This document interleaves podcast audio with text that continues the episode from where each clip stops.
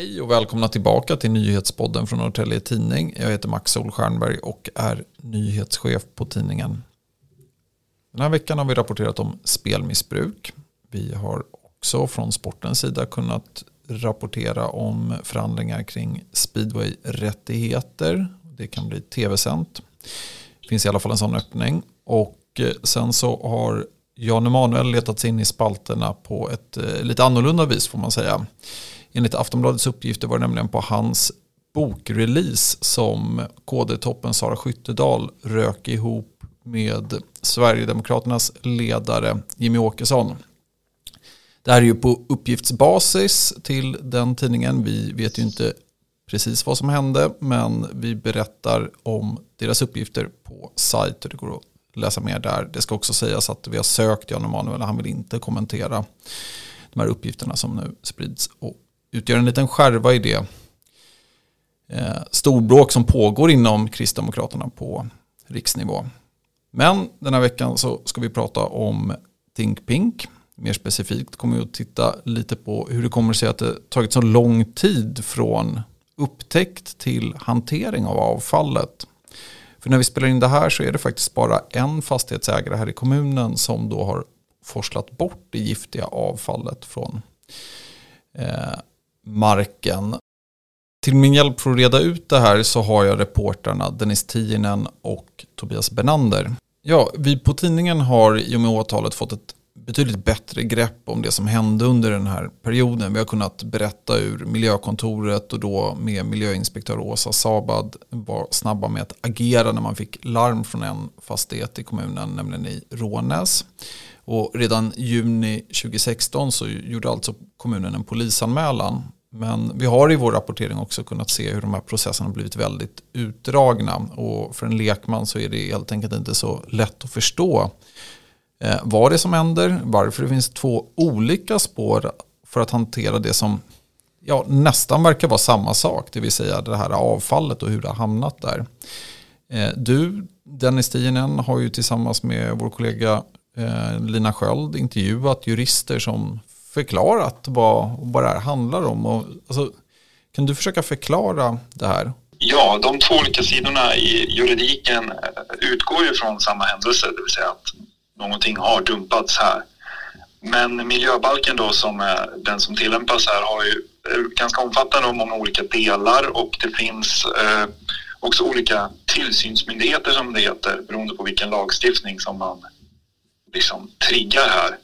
Eh, det, det kortfattat man kan säga att det, det, finns två sidor. Det ena är den straffrättsliga sidan med polis och åklagare.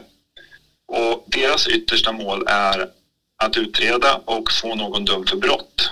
Eh, det vill säga fängelse finns i straffskalan här. Eh, den andra sidan är det förvaltningsrättsliga och där finns kommunen. Deras uppgift är mer att få kontroll eller få få veta vad som faktiskt finns i marken för att här har någonting blivit fel och hur kan det ställas till rätta igen. Så den mest förenklade sammanfattningen är att straffsidan de tittar bakåt, vad det som har hänt, medan förvaltningssidan tittar på framtiden. Hur kan det här bli i framtiden? Så att Eh, om vi tittar på den här processen så har det ju tagit väldigt lång tid. Jag nämnde där den här polisanmälan från juni 2016 och nu är vi ju faktiskt framme i 2024 och det är inte en rättegång i än. Vi har faktiskt inte ens ett datum för huvudförhandling eh, även om eh, åtal har kommit. Varför har det tagit så lång tid? Ja, om vi tittar på, på den straffrättsliga sidan så har det ju varit en väldigt stor och omfattande utredning från polis och åklagarsidan. Det har tagit flera år, det är många platser spridda över hela Mellansverige. Eh, det som är att den här typen av miljöbrott som anmäldes i Norrtälje redan 2016 eh, det brukar ofta stanna vid ett så kallat strafföreläggande. Det vill säga att eh, åklagaren kommer överens med den misstänkta utan att gå till domstol och då, då stannar det ofta vid böter. Eh, men nu, och det här är ren spekulation från en reporters sida, är att med den stora utredningen kring Think Pink som bolag så har åklagare och polis haft helt andra resurser och eh, inte att underskatta ett helt annat intresse för den här, de här anmälningarna och då bokstavligt talat varit ute och grävt med grävskopa på de här tomterna. Eh, så det, det har varit en lång utredning. Vad gäller den förvaltningsrättsliga sidan med kommunen så är det mer regel än undantag att sånt här tar tid. Eh, man, man skickar ut olika krav och förelägganden och de ska beslutas på olika nivåer i kommunen. De kan också överklagas till både länsstyrelse och mark och miljödomstol. Så att det, den biten tar tid eh, och där pågår ju flera processer samtidigt ska vi säga just nu.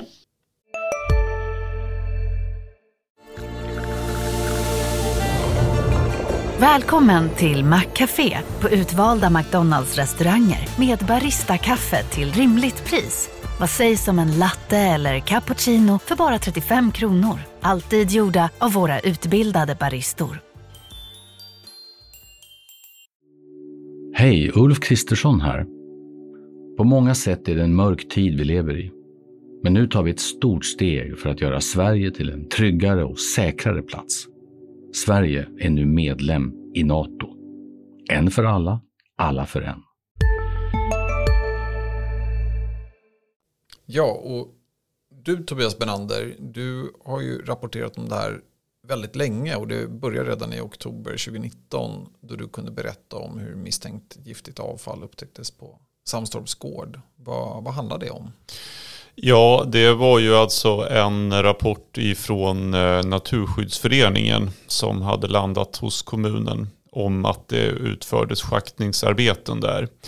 Eh, och det var primärt det egentligen som det handlade om. Men också då kom det fram att det dumpades någon form av avfall där. Och att kommunen redan då var ute och utfärdade ett föreläggande om att sluta schakta och att börja ta prover. Och eh, sen dess så har väl kvarnarna malt på kan man väl säga då. Mm. Och där och då, då visste vi ju inte om alla de här kopplingarna som vi vet nu. Eh, men vi har ju även på tidningen och du i synnerhet har ju rapporterat en hel del från just eh, Samstorps gård. Eh, nu har vi ju kunnat berätta betydligt mer och vi har kunnat berätta ja, betydligt mer om det som skett i de västra kommundelarna.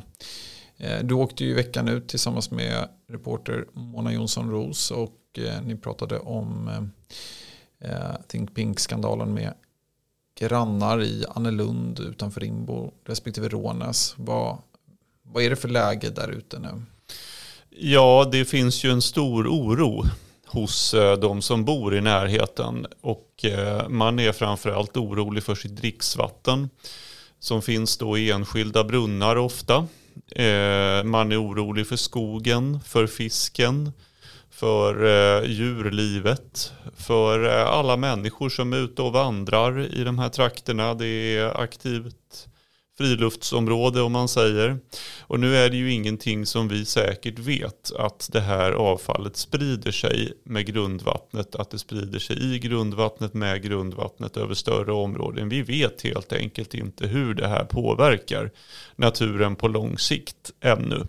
Men just därför så blir ju oron desto större och det finns en, en olust helt enkelt i att bara hälla upp ett glas vatten från den e-, egna brunnen eller se sina barn leka och bada kanske i sjöar som ligger någon kilometer från 5000 kubikmeter med eh, byggavfall nedgrävt i jorden. Just det, det där är jättebra att du fångar upp för att det, det är ju så, vi, vi vet att ämnen, ämnena som har påträffats i sig är giftiga. Vi vet också att de på, i ett par av de här proverna har så att säga påträffats i lakvatten eh, och det tyder på att det eh, finns viss spridning men vi vet ju inte i vilken utsträckning det sprids. Vi vet också att eh, det här eh, det finns delar det finns helt andra platser som kan vara långt eh, både giftigare men där, där det finns eh, spår från liknande ämnen från andra verksamheter. Och eh, det är ju där en stor komplexitet både för oss att rapportera och för myndigheterna att agera kommer in.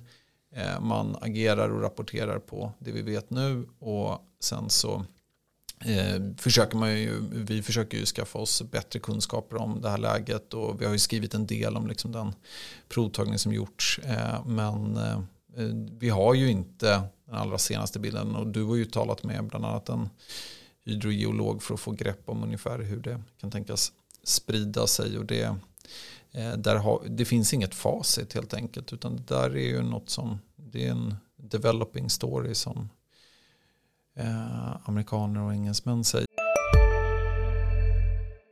Hej, Synoptik här. Hos oss får du hjälp med att ta hand om din ögonhälsa. Med vår synundersökning kan vi upptäcka både synförändringar och tecken på vanliga ögonsjukdomar. Boka tid på synoptik.se.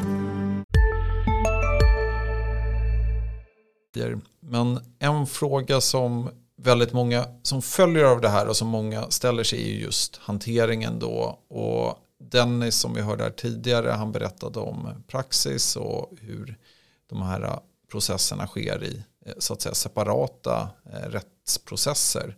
Men så har vi det praktiska, vi har alltså avfall i jorden och eh, det har varit känt. Det har varit känt att det är, innehåller bland annat giftiga ämnen. Och det har också varit känt sedan en tid eh, för bygg och miljönämnden. Eh, men det är först på senare tid som de eh, så att säga, pressat fastighetsägarna till, ja, till exempel med viten. Och där är det ju många som har ställt frågan, men varför så sent?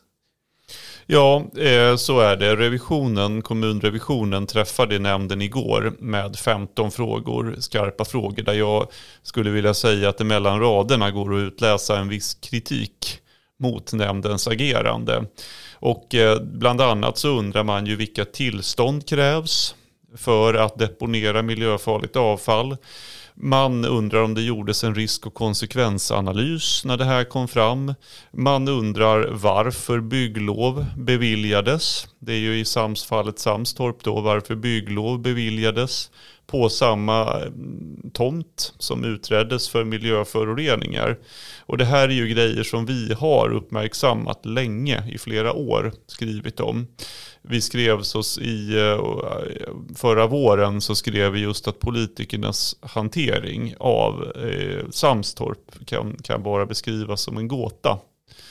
Och det är väl kanske den gåtan som vi ska få svar här då på nu. Vi får ju se då revisionen ska ju bestämma om de ska gå vidare med det här eh, och eventuellt då låta det, alltså inleda en granskning av bygg och miljönämndens arbete och rutiner. Mm. Men jag tänker att vi så här avslutningsvis lyssnar på Göran Herngren då från revisionen som ja, du pratade med eh, alldeles nyss. Och vad, liksom, vad, vad är din spontana känsla eh, av eh, liksom, hur, hur väl har nämnden hanterat de här frågorna? Ja, jag förstår vad du vill ha svar på men det, nej, jag, jag, uttrycker inga allmänna känslor i nuläget kring det utan eh, som sagt, vi behöver fundera, vi behöver ta, ta del av eh, de svar vi har fått på det och sen reflektera över de svaren och sätta dem i sitt sammanhang och fundera på nästa steg eller nästa eventuella åtgärd. Då, då.